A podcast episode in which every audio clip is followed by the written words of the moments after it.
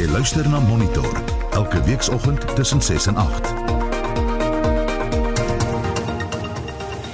6 minute oor 7 in Monitor vanoggend die regering pak die tweede fase van sy COVID-19 inentingsveldtog. Die keer is die kandidate bo 60.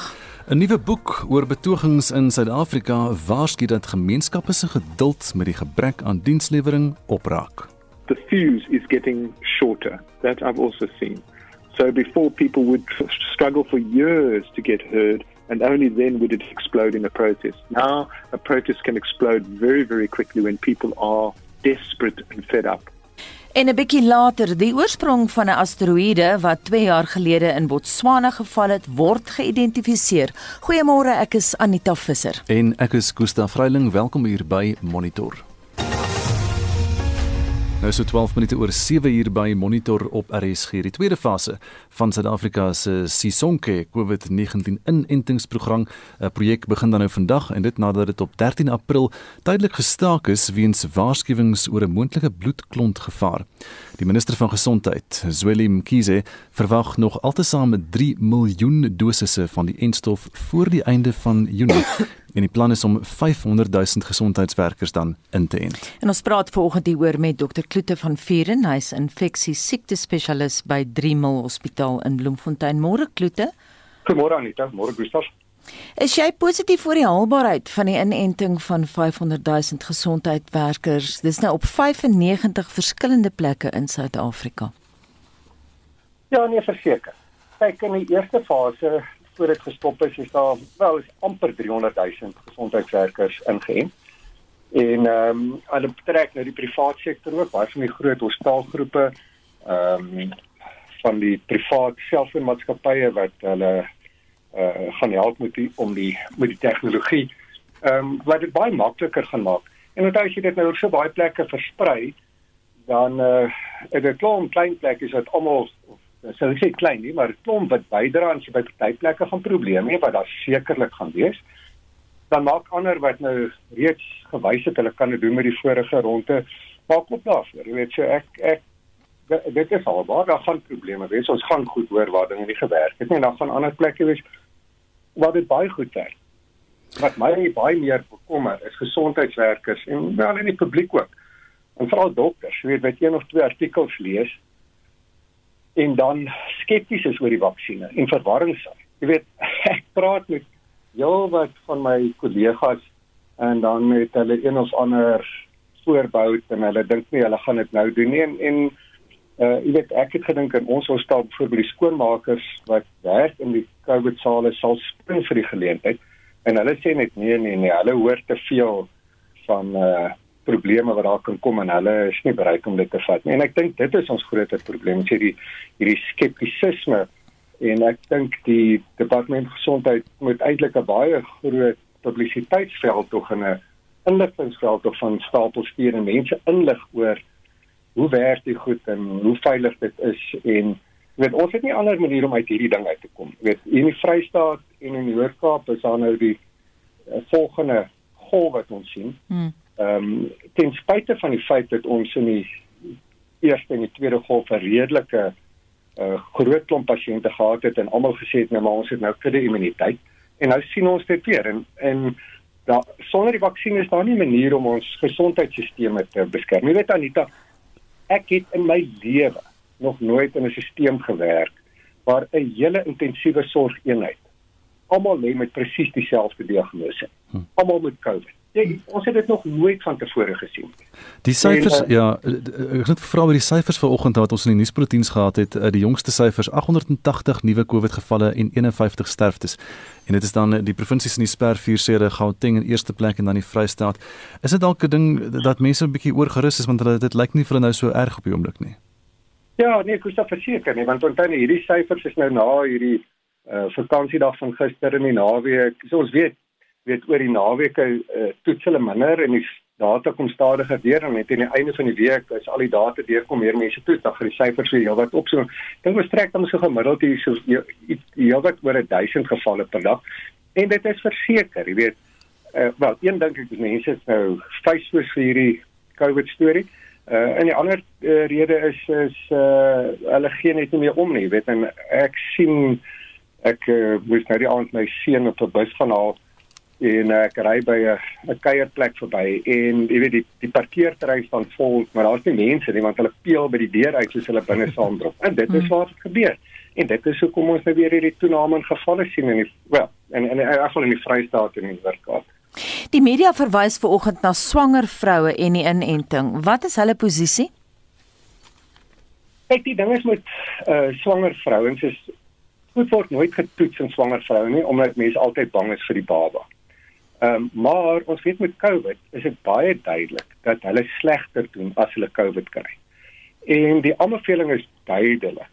Uh as 'n mens die die data en die inligting mooi opweeg dan is daar verseker vir hulle 'n groot voordeel in om eerder ingeënt te word.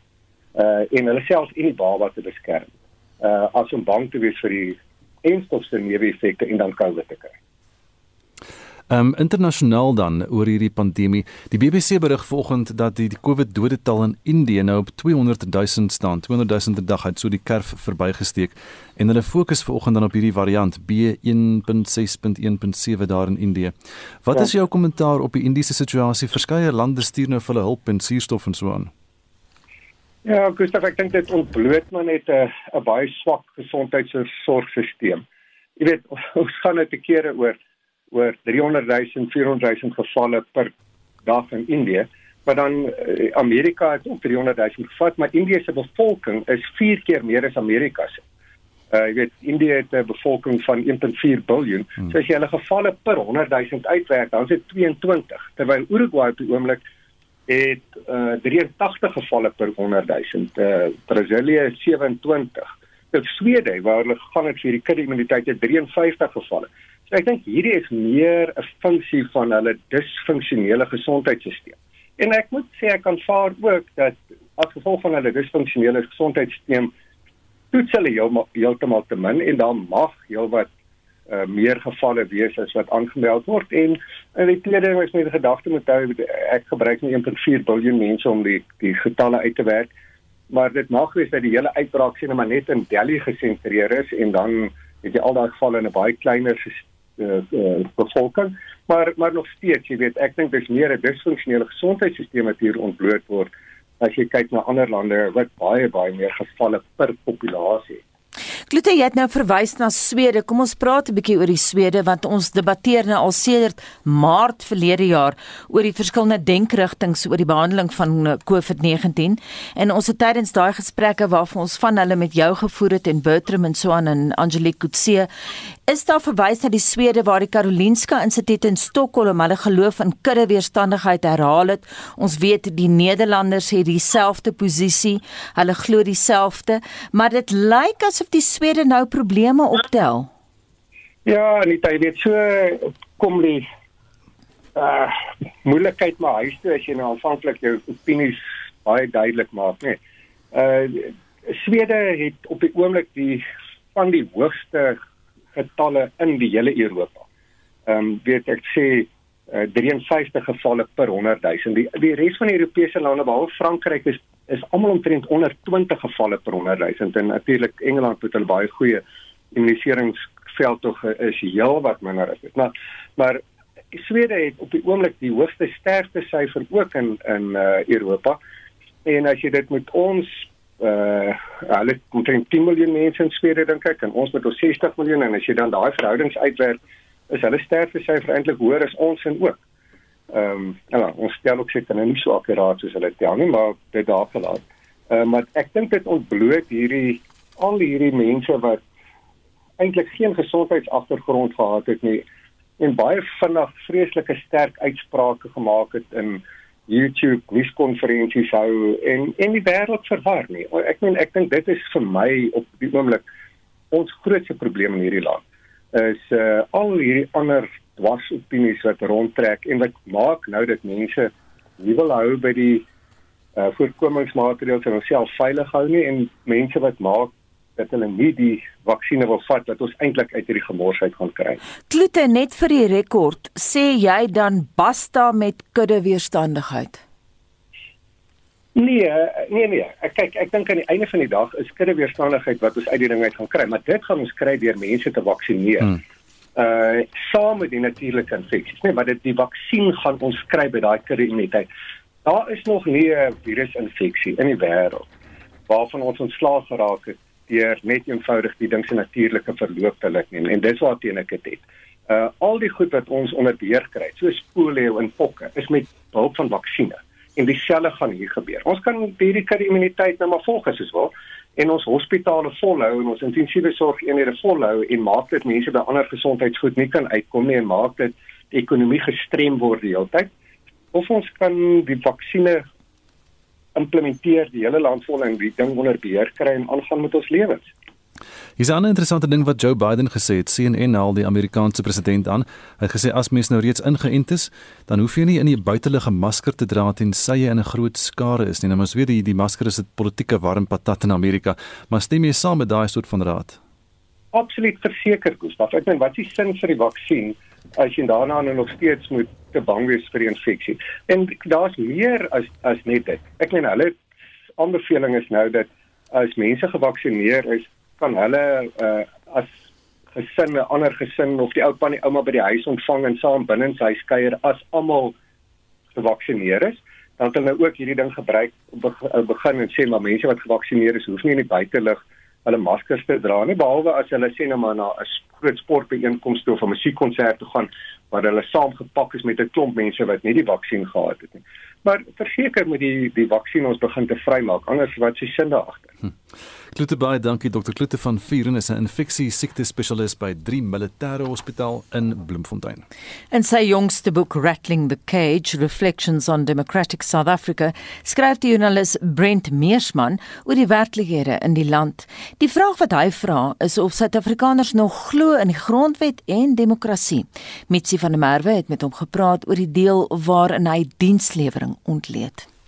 Meersman begin sy boek met 'n bekendnis aan die leser oor hoe hy tydens sy loopbaan standpunte gehad het oor die vorming van Suid-Afrika. But I find I'm no longer young enough to know everything and to complete Oscar Wilde's witty maxim, I have begun to suspect everything. I'm on the cusp of that famously described stage of life when the radical heart fearfully and unwillingly starts to give sway to a mellowing conservative brain. And the issues of the day quickly become quandaries. But worse than that, as writers, we condemn ourselves in print. Those column inches I had produced for the Mail and Guardian, Thought Leader, This is Africa, and a dozen other titles, and as chief writer for London based current affairs magazine New Africa Analysis, all wait to convict me. Hiermee skryf hy dat sy voorland bestem was in aggenome die jaar wat hy as idealistiese verslaggewer in die parlement was. It is however some consolation that thanks to the internet and social media, we writers are now not the only ones against whom a quote might be plucked from the forgotten past to embarrass us in the naked present. Deel 4 van sy boek se titel is Woede en Verrassing, 'n nuwe blik op protes, betogings oor dienslewering, die blameering van arme mense daarvoor, geweld as vryheid van spraak, die afbrand van skole en treine, eiendom wat belangriker is as mense en die woede van die armes. We are known as the protest capital, aren't we, of the world, and we really do see a vast number of protests, and they often turn very violent and have terrible repercussions. But I really wanted to get to grips with understanding why do we see so many protests and what are the things behind it. And because we get every day one of our co-editor of Ground Up News, mm. our reporters file every day and a large number of protest stories. In fact, we, we select uh, which ones we can cover. Meersman sien 'n patroon in baie diensleweringsbetogings. Hy sê mense word so gefrustreerd omdat daar weinig ingryping kom of behoorlik beraadslaag word met gemeenskappe. Add to that, every time there's a local election or national elections, the politicians go in and they make all kinds of promises which they can't possibly keep. So you have these built up expectations instead of just being straight with people. And I've noticed that is how a lot of the uh, protests have emerged. But the fuse is getting shorter. That I've also seen. So before people would struggle for years to get heard, and only then would it explode in a protest. Now a protest can explode very, very quickly when people are desperate and fed up. Want sê hy, hulp kom van nêrens, benewens talle klagtes. When they have no electricity, when they have no water, when the toilets aren't working and haven't been cleaned and aren't functioning for months. And it's patchy. Some municipalities are more responsive than others. Overall, I would say that a lot of services are breaking down. And I suppose anger is an expression of the self. Instead of sitting in, in hopeless degradation, anger is itself a form of free speech. Ongelukkig ontwikkel die uitdrukking van misnoë uiteindelik in geweld. And it becomes a form of violence which because it appears that our political system only really pays attention to the value of property. Property is more important than people. People can be gunned down, people die, our murder rate is astronomical. But as soon as buildings start burning and roads are blocked and there's damage done, then all of a sudden the government deploys its resources and suddenly a councillor might appear and a few journalists and your voice is heard. Maar hoekom? Niemand wil hulle self in gevaar stel nie. Tog is die nood dwingend. they're putting themselves in harm's way. And I think there's a lot of lack of sympathy, and people are running out of sympathy because there are so many protests and because they're being so damaging. And the thing that really intrigued me was why are schools used in protests? The first one that South Africans, I think, became aware of was where schooling was stopped because a road had not been tarred. Mm. And it seemed such a crazy thing to take all your kids out of school because a road hasn't been tarred. die vraag is wat dit met die onderwys van gemeenskapslede se kinders te doen het. Once you involve the school, you tie everybody in that community to the demand of the protest.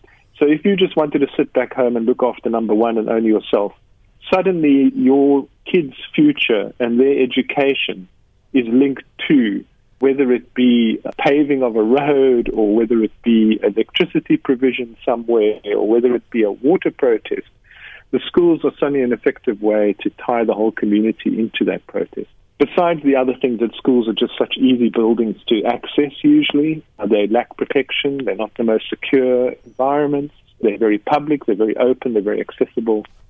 Die gereelde uitbrand van treine is ook 'n verskynsel waarna Meersman kyk. And we don't really know entirely what was going on there. There are all kinds of rumors. Some of them are not very credible. And there may be people involved higher up within these organizations as well to do with security contracts and things. These are all theories that have been mooted. But the trains are hard to love. And part of your daily humiliation, you're already living in a kind of degraded environment, you're struggling to make ends meet, you lose hours of work, your employer makes fun of you because you're late repeatedly, or fires you because of that. Na dagslang werk vir min geld, is daar baie keer nie 'n trein wat jou huis toe neem nie. Of as daar een is, is alles gebreek.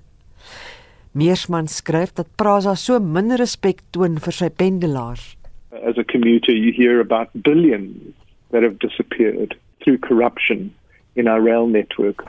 Well, it seems almost a match is struck. Somebody then just says, oh, well, just burn the thing. It's not even worth keeping. Look at how we expect it to get to and from work without any security as well. People are robbed and trained. So there's a violation and a violence being done to people systemically and daily if you are subjected to that kind of institutional violence, it's a small step to then actually just burn the train, set fire to the school. It's a short fuse. Brent Meersman oor sy jongste boek Rattling the Cage. Mitsi van der Merwe, SAK nuus. Jy luister na Monitor elke weekoggend tussen 6 en 8. 7:30 die hoofnuus president Cyril Ramaphosa getuig vanoggend voor adjunk hoofregter Raymond Zondo. Die inentingsprojek met Johnson & Johnson hervat vandag. En die oorsprong van 'n asteroïde wat 2 jaar gelede in Botswana geval het, word geïdentifiseer.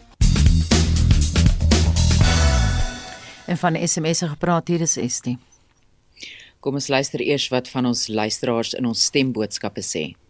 Ramaphosa is soos die res en een ding wat eg is van die ANC is dat hulle eg skelm is. Dis Joop hier in Vryheid KwaZulu-Natal. Dink dis 'n groot toets vir die president. Hy gaan nie net daar aankom by die Zondo-kommissie en net staan en vra antwoord nie.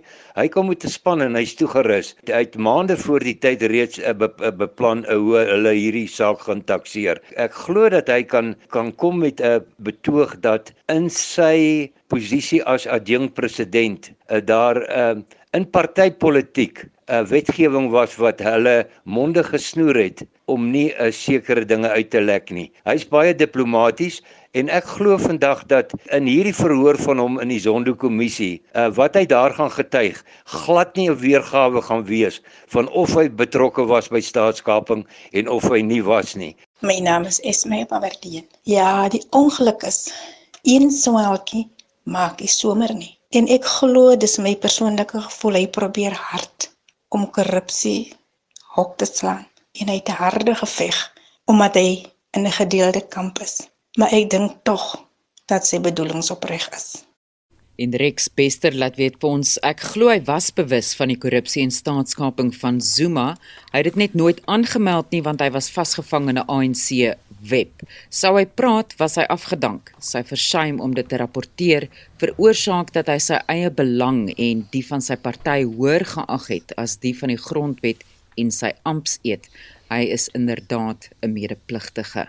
En Stefan Philip van die kerk sê vir ons as die adjunkpresident van die ANC wat styf langs Zuma gesit het, is dit moeilik om te glo dat hy niks geweet het nie en nie gedeel het in kriminele aktiwiteite nie. President Cyril Ramaphosa gaan na verwagting vandag voor die staatskapingskommissie verskyn en ons wil by jou weet, dink jy Ramaphosa was inderdaad by staatskaping betrokke tydens sy termyn as adjunkpresident van die ANC en die land? Of kan 'n mens sy stryd teen korrupsie as eg beskou. Stuur vir ons 'n SMS by 45889. Onthou dit kos R1.50. Gesels saam op ons Facebookblad by facebook.com/vorentoeskynstreep ZARSG of WhatsApp vir ons stemnota na 076 536 6961. En dit dan is dit sy terug net voor 8 met nog terugvoer van jou die luisteraar. Intussen ander nuus, 'n internasionale span navorsers het bevind dat die asteroïde wat Botswana op 2 Junie 2018 getref het, van die Weste asteroïde in ons sonnestelsel kom. Die studie is onder leiding van die sterrekundige by die SETI Instituut Peter Jenniskens gedoen. Die span het 23 meteoriete in die sentraal Kalahari Wildreservaat gekry. Navorsing daaroor is ook onlangs in die aanlyn joernaal Meteoritics and Planetary Science gepubliseer. En ons praat nou met 'n buitengewone professor by die Sentrum vir Ruimtenavorsing aan Noordwes Universiteit, professor Pieter Kotse hieroor. Môre Pieter. Hallo, môre Anita en almal wat luister. Hoe is vasgestel waar die asteroïde geval het? Ja, dit is nou mense natuurlik saamstem dan om 'n asteroïde in Botswana te soek is basies om soos 'n naald in 'n hooi te mm. kry. So die wat die uh, navorsers gedoen het was 'n bietjie 'n slim speurwerk deur gebruik te maak van 'n uh, teleskoop na uh, observasies in Amerika en ook in uh, Australië. Daar het hulle vasgestel dat hierdie meteoriet voordat dit die aarde getref het ongeveer 1.5 meter in deursnit was en teen 'n spoed van ongeveer 60000 km per uur beweeg het. Maar nou nader aan die toe die aarde die meteoriet as dit in die aarde se atmosfeer binne gekom het, was dit so groot dat dit in die vorm van 'n vuurbal was. Gelukkig het dit in die aand gebeur en is hierdie baan van die uh, asteroïde of die meteoriet soos dit nou daar gekom het vasgelê op sekuriteitskameras op plase uh, in die in Suid-Afrika en ook in Botswana in die omgewing van Mount. So daaruit kon hulle dus deur 'n bietjie vernuftige uh, hoërskool driehoeksmeting toe te pas die uh, ongeveer die area bepaal waar hierdie meteoriet uh, moes geval het maar ook het hulle afgekom dat op 'n hoogte van 28 km bo die oppervlakte hierdie meteoriet eintlik gedisintegreer het hy basies ontplof en in duisende stukkies gespat so dit het die proses natuurlik nog verder bemoeilik maar die uiteinde was dat die uh navorsers stukke daarvan opgetel het naby uh, pan met die naam van die Motupi pan in die sentraal Kalahari Natuurreservaat en het hulle dan sommer ook die meteoriet se naam die Motupi pan uh, meteoriet gedoop. Vertel ons 'n bietjie meer van die Vesta asteroïde en hoekom weet ons dit kom nou juis van daar? Kyk, die Vesta asteroïde uh een is een van die grootste of trouwens dit is die tweede grootste asteroïde in die asteroïde gordel tussen Mars en Jupiter. Die grootste een is natuurlik Ceres met 'n deursnit van 1000 km en Vesta met 'n deursnit van ongeveer 530 km. Nou in 2008 het NASA 'n satelliet met die naam van Dawn gelanseer om basies intensiewe navorsing te doen en observasies te doen van hierdie twee asteroïde. So het Dawn dan in 2011 en 2012 rondom Vesta gewentel 'n akkurate kartering gedoen van die oppervlakte en gevind dat daar twee reusagtige impakkraters op die oppervlakte van Vesta voorkom en het hulle ook bepaal wat die samestelling van hierdie uh, satelliet of die, die impakkraters was en toe het hulle dit gebruik natuurlik om 'n uh, 'n ooreenkoms te vind tussen Vesta en ook hierdie uh, Motopipan uh, asteroïde of meteoriet. Pieter, is dit maklik om die ouderdom van 'n asteroïde te bepaal? Dit is nie 'n triviale uh, proses nie, maar wat ons wat gebruik gaan maak gaan word is natuurlik soos mense die meeste mense weet is dat die buitenste ruim is gevul met hoogs energieke kosmiese strale. Hierdie kosmiese strale bestaan uit hoofsaaklik protone, elektrone en dan ander swaar elemente wat afkomstig is van supernova ontploffings en wat teen basies die spoed van ongeveer of net onderkant die spoed van lig beweeg. Nou wanneer hulle natuurlik nou in interaksie kom met 'n uh, meteoriet, vind daar kernreaksies plaas wat dan party van hierdie isotope of uh, elemente radioaktief maak en wat dan 'n vervalsleeftyd het. Wat beteken dat wanneer ons hierdie uh, meteoriete op die aarde teekom, kan ons hierdie isotope gebruik om die ouderdom van die van hierdie meteoriete te bepaal. So in die geval van hierdie uh, Motopipan uh, meteoriet is hoofsaaklik gebruik gemaak van radioaktiewe loodisotope en is bepaal dat hierdie spesifieke asteroïde van ongeveer 23 miljoen jaar alreeds in die sonnestelsel in 'n baan beweeg en dat dit ooreenstem met die ouderdom van die uh, impakkrater op Vesta waarvandaan hierdie uh, meteoriet oorspronklik afkomstig is. Baie dankie vir jou insette daar dit dan professor Pieter Kotse. Hy's 'n buitengewone professor aan die Sentrum vir Ruimtenavorsing aan die Noordwes Universiteit. Dis 19 minute voor 8 en dit sit nie in elkeen se broek om in die middeljare te studeer nie. Een uitsondering is die 47-jarige Natasha Diedrich wat van skoonmaker by die Universiteit van Wes-Kaapland gevorder het tot wiskunde onderwyseres. Natasha wat boonop 'n man en twee kinders het wat sy versorg, het in 2014 lus gekry vir verder studeer toe sy omring is met al die boeke en notas van die studente. En net daar het sy besluit om te bewys dat sy ook geleerdheid kon verwerf. Dit het nou vrugte gedra want op 5 Mei vang Natasha onderwysgraad. Sy het gister haar storie aan Anita vertel. Ek het begin werk by die universiteit as 'n skoonmaker En omdat ek om 'n ring was deur studente, het ek begin ook die gevoel kry dat ek dieselfde wil doen soos wat hulle doen. Want ek het gesien hoe hoe geïnspireerd hulle was, hoe toegewyd hulle tot hulle studies was. En daar was baie vele nagte wat ek gesien het hulle sit lang lang ure met hulle boeke en dit het vir my gemotiveer om ook 'n verandering te doen nie net 'n verandering in myself maar ook 'n verandering van mense rondom my want ek het gewerk as 'n doodnormale skoonmaker en gewoonlik word skoonmakers nie gesien as mense wat vorentoe in die lewe wil gaan nie. En toe besluit ek nee, ek gaan 'n verandering maak in die hele situasie. En wat besluit jy toe? Wat wil jy toe gaan studeer? Toe besluit ek onderwys.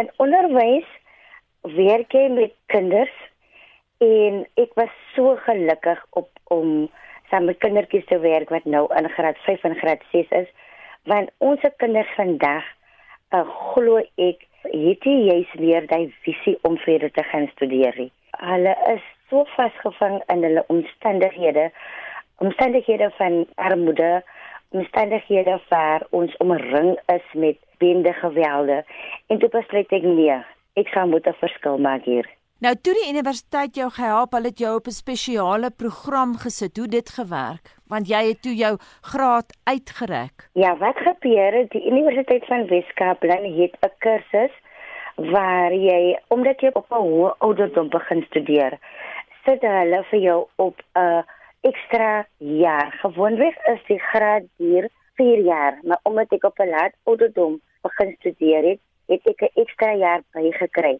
wat beteken dat jou eerste jaar word in twee verdeel sodat jy die kans kan kry om aan te pas met die aktiwiteit lewe van die student. En dan ongelukkig het was ek 'n bietjie onder druk en dit het een jaar ook herhaal. En dis hoekom my graad 'n bietjie langer gevat het om te voltooi. Maar ek is ewig dankbaar vir die geleentheid wat ek gekry het want daar was soveel studente wat saam met my begin het wat heeltemal moed opgegooi het wat gebesluit het nee, hulle kan nie meer Hulle kan nie meer die druk hanteer nie. Het jy op 'n stadium gevoel jy kan nie die druk hanteer nie? Was dit vir jou moeilik? Ja, dit was 'n bietjie baie moeilik Anita, ja, want in die eerste plek is ek 'n ma, ek het twee kinders en dan is ek ook getroud. Om met student aktiwiteite in daai druk te hanteer, kan soms dit baie oorweldigend is.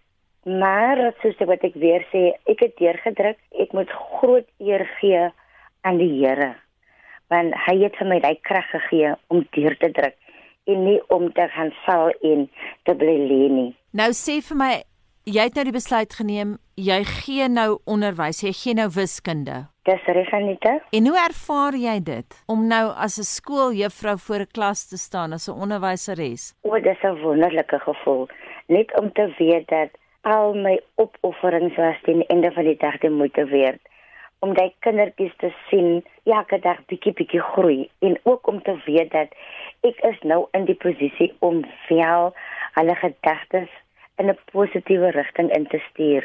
Dis 'n verskriklike godsvullende gevoel om dit te ervaar.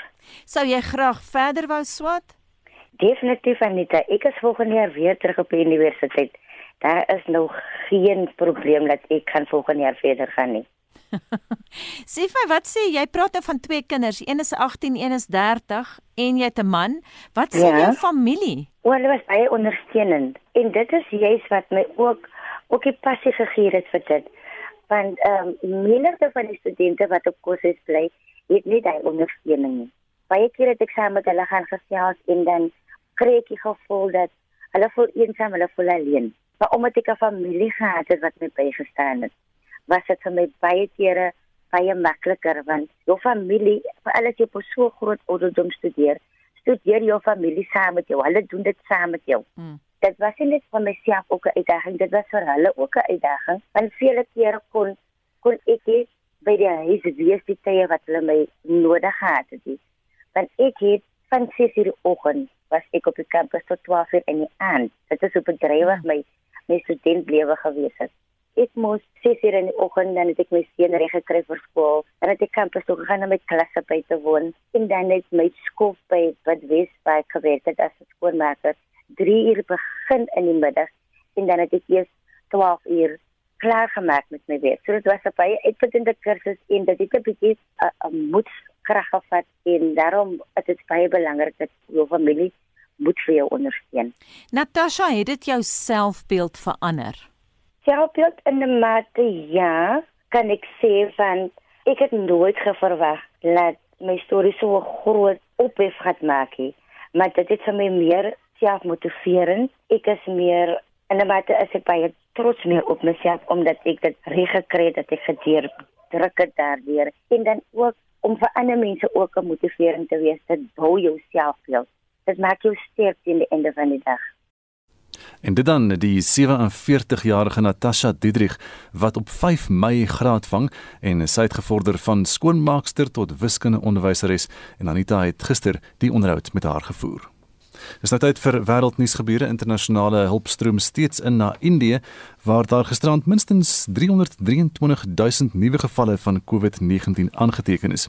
Die amptelike syfer het 200 eh, 000 verbygesteek, dis die sterfte syfer wat 200 000 verbygesteek het in Indië, maar die werklike syfers is na raming heelwat hoër en Marlene Forsie hou die jongste gebeure in die land vir ons dop. Môre Marlene. Hallo Gustaf, en kom ons begin by die mense wat hierdeur geraak word. Die BBC het met twee gesinne gepraat wat iemand aan die virus afgestaan het, 'n ryk vrou en 'n arm man. Nou Sasha Saini het sy vrou en sy ongebore baba verloor.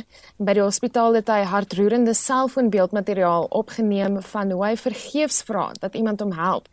Daar's die beddens nie en die dokters kyk stil en moedeloos toe en daarna het hy sy storie gedeel vanuit sy kleihuis in een van die land se klein landelike gemeenskappe. नंगा मौत का नंगा नाच चला हॉस्पिटल में मेरा नाच कर दिया लोगों ने At that time, I had so much pain inside. It was like someone had ripped my heart out of my chest. I lost my unborn child and wife on the same day. I knew I needed to raise my voice against the system. This disease can be dangerous, but our system is even more dangerous. It has scared us. Nishi and Sachin are living India's nightmare. 'n Vrou uit 'n Vella familie in Delhi kon ook nie daarin slaag om haar skoonma by hospitaal te kry nie. It was the worst worst night of my life that I was not able to save her. No money, no contact, nothing helped me out. Hulle het na drie hospitale gery op soek na 'n bed vir haar skoonma, maar die laaste hospitaal was sy geskok deur wat die dokter haar gewys het. He showed me bodies lying around, packed and lying around. I begged him. I literally started crying in front of him that please, I just need one bed for her. You you told me that you know that there is a bed. You you told me on a helpline number. That's why I came here. She was asking help from me. I was not able to do that. En dis maar een van vele soortgelyke stories in Indië. Intussen is die regering se grootste uitdaging volgens die BBC-korrespondent Miresh Kunor om die hulp wat ontvang is te versprei. The government has roped in the Air Force, the Indian Railways, which have one of the largest networks in the world as far as river tracks are concerned. So the special trains are being sent, and of course, the police are guarding the oxygen containers who are traveling by road. Nou in die afgelope week het die land meer amptelike COVID-19 gevalle aangemeld as enige ander land in die wêreld. En Indië is een van die grootste produsente van die enstof wêreldwyd, maar slegs 1,6% van sy inwoners is ingeënt. Nou die Amerikaanse president Joe Biden sê intussen die land gaan enstof aan Indië skenk.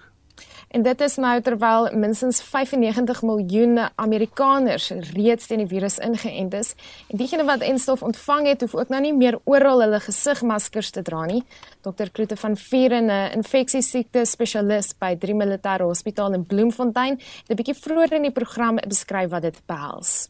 Mense wat gevaksinneer is, hoef nie in die buitelug hulle maskers te dra nie behalwe as hulle sê nou maar na 'n groot sportbyeenkoms toe of 'n musiekkonsert toe gaan waar hulle saamgepak is met 'n klomp mense wat nie die vaksin gehad het nie. Maar verseker moet die die vaksin ons begin te vrymaak anders wat se sin daar agter. Nou Brasilië se president Jair Bolsonaro kom intussen te staan voor 'n kommissie van ondersoek na sy hantering van die pandemie. Hy het onder meer probeer om te verhoed dat inperkingsregulasies ingestel word en word ook beskuldig van massamoord deur nie voldoende voorbereiding te tref om die afgesonderde inheemse bevolking van die Amazone teen die virus te help beskerm nie. Die proses kan daartoe lei dat hy in 'n staat van beskuldiging geplaas word. Die land het sedert die begin van die pandemie sowat 14 miljoen amptelike gevalle aangeteken en minstens 391 000 sterftes. Nou, nuus van 'n ander aard. Nou, Somalië se president Mohamed Abdullahi Farmajo het aangekondig dat hy sy besluit om nog 2 jaar in sy ampt te dien terug te trek. Ja, en dit volg na konflik in die hoofstad Mogadishu tussen soldate wat hom ondersteun en teenstaan. Onder 'n inwoners het die stad verlaat uit vrees vir meer uitgebreide gevegte en daar was boonop vrees dat Al-Shabaab hierdie as 'n gaping sien om ook aanvalle te loods. Hy het die aankondiging op televisie gemaak en gevra dat 'n nuwe verkiesing gehou word. Ek gaan juis die naweek verlede jaar se ooreenkoms om 'n nuwe verkiesingsraamwerk in die land te skep en die parlement hernie. Farmajo het ook groot lof vir die eerste minister wat sy besluit om 2 jaar langer president te bly afgekeur het. Marlene Forsie met vanoggend se wêreldnuus. Terug in Suid-Afrika, daar word gevra vir 'n waarheids- en versoeningskommissie na die onderdrukking en onteiening van Suid-Afrika se inheemse mense. Erfenis en omgewingsgroepe het 'n optog gehou teen 'n voorgestelde 4 miljard rand se ontwikkeling in Observatory in die moederstad. Die grond was van die eerste gebiede van die Khoi en San wat in die 1650s deur die Verenigde Oos-Indiese Kompanjie onteien is. Say Kansas. Kansas. Kansas mire. Dit was langs die Liesbeek en Swart riviere in Observatory waar die eerste grensoorloë in die land tussen die inheemse Khoi groepe en die Europese settlers beklei is. Die aktivis Tarik Jenkins sê die area is die teken van die begin van 'n stryd tussen onderdrukking en grondonteiening in Suid-Afrika. Dis ook hier waar 'n multimiljard rand ontwikkeling beplan word deur die Amerikaanse groothandelreus Amazon as die belangrikste huurder. Koi groepe, erfenis en omgewingsaktiviste is gekant hierteen. This place is a place where in 1657 the very first title deeds were granted by the Dutch East India Company to the Freeburger farmers, ostensibly demarcating for us as all South Africans the very place where land was stolen for the first time. Die kerkleier Ellen Boesak sê die WVK het 'n groot deel van die geskiedenis weggelaat.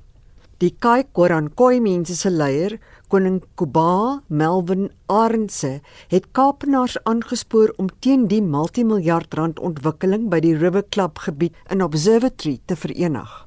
The Liesbeek and Black River precinct is fundamental to our heritage estate as Kurana. It's the birthplace of Kurana.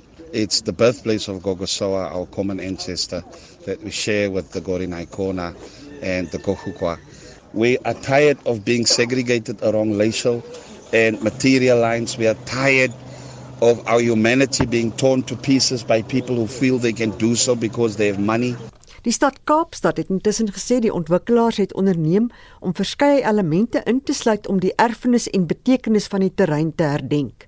Dit sal 'n inheemse tuin, 'n erfenis ekoroete en 'n kulturele erfenis en media sentrum vir die Eerste Nasies wees. Mlamli Manele het hierdie verslag saamgestel. Mitsi van der Merwe, SAK nuus. Is dit like daai SMS terugvoering? Anita Zelda laat weet ek dink ons president is 'n eerbare man, maar om nommer 2 te wees is absoluut onmoontlik om nie te weet wat werklik aangegaan het nie en dit kan dan net aan die uh, dit kan dan net aan doof en stomheid afgemaak word. En 'n luisteraar sê as die staatspresident geweet het van enige iets van korrupsie en stil gebly het, is hy net so skuldig. En Stefanus de Tooi laat weet ongelukkig vir hom is hy steeds aanspreeklik soos enigiemand anders sou wees wat aan die hoof staan van 'n departement of afdeling. Larry Grywenstein skryf vir ons: Ek vermoed daar was 'n ongeskrewe mandaat van die regerders om 'n oordrag van rykdom vir die ANC leierskap te bewerkstellig as vergoeding na kolonialisme en apartheid. En totdat ons nie by daardie storie uitkom nie, sal ons nooit die waarheid hoor nie. Dis waarom Jacob Zuma gereeld dreig om die waarheid te praat. En Leon de Jonge sê hy is 'n politiek kus. Hy het die hef in die hand omdat hy die president is en kan maak net soos wat hy wil en sal niks oorkom nie. Die ANC beskerm hulle eie trawante soos hulle en en sodat hulle ons land net erger kan verniel, besteel en opmors. En Willem de Villiers skryf: "Ja, hy was betrokke. As jy weet van 'n misdaad en toe kyk, is jy aandadig." Baie dankie vir jou terugvoer vandag.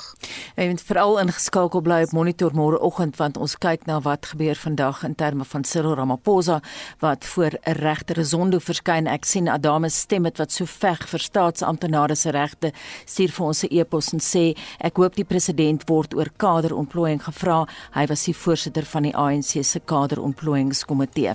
En daarmee gaan ons oor na Marlene om te hoor wat gebeur in Spectrum vanmiddag. Anita, jy haal die woorde so uit my mond want alle oë is op die staatskapingskommissie gerig. Maar daar's ook diegene wat beplan om te betoog en vra dat die president uit sy ampt moet tree. En dan kyk ons ook na die SADC Trojka wat 'n verslag bespreek wat saamgestel is deur verskeie staatshoofde om te bepaal hoe terreur in die noorde van Mosambiek hanteer gaan word. En dit was monitor met ons waarnemende uitvoerende regisseur ook die redakteur vanoggend Hendrik Martin, ons produksieregisseur Silwester Komani. My naam is Anita Visser en Gustaf sit reg met die 8 uur nuus.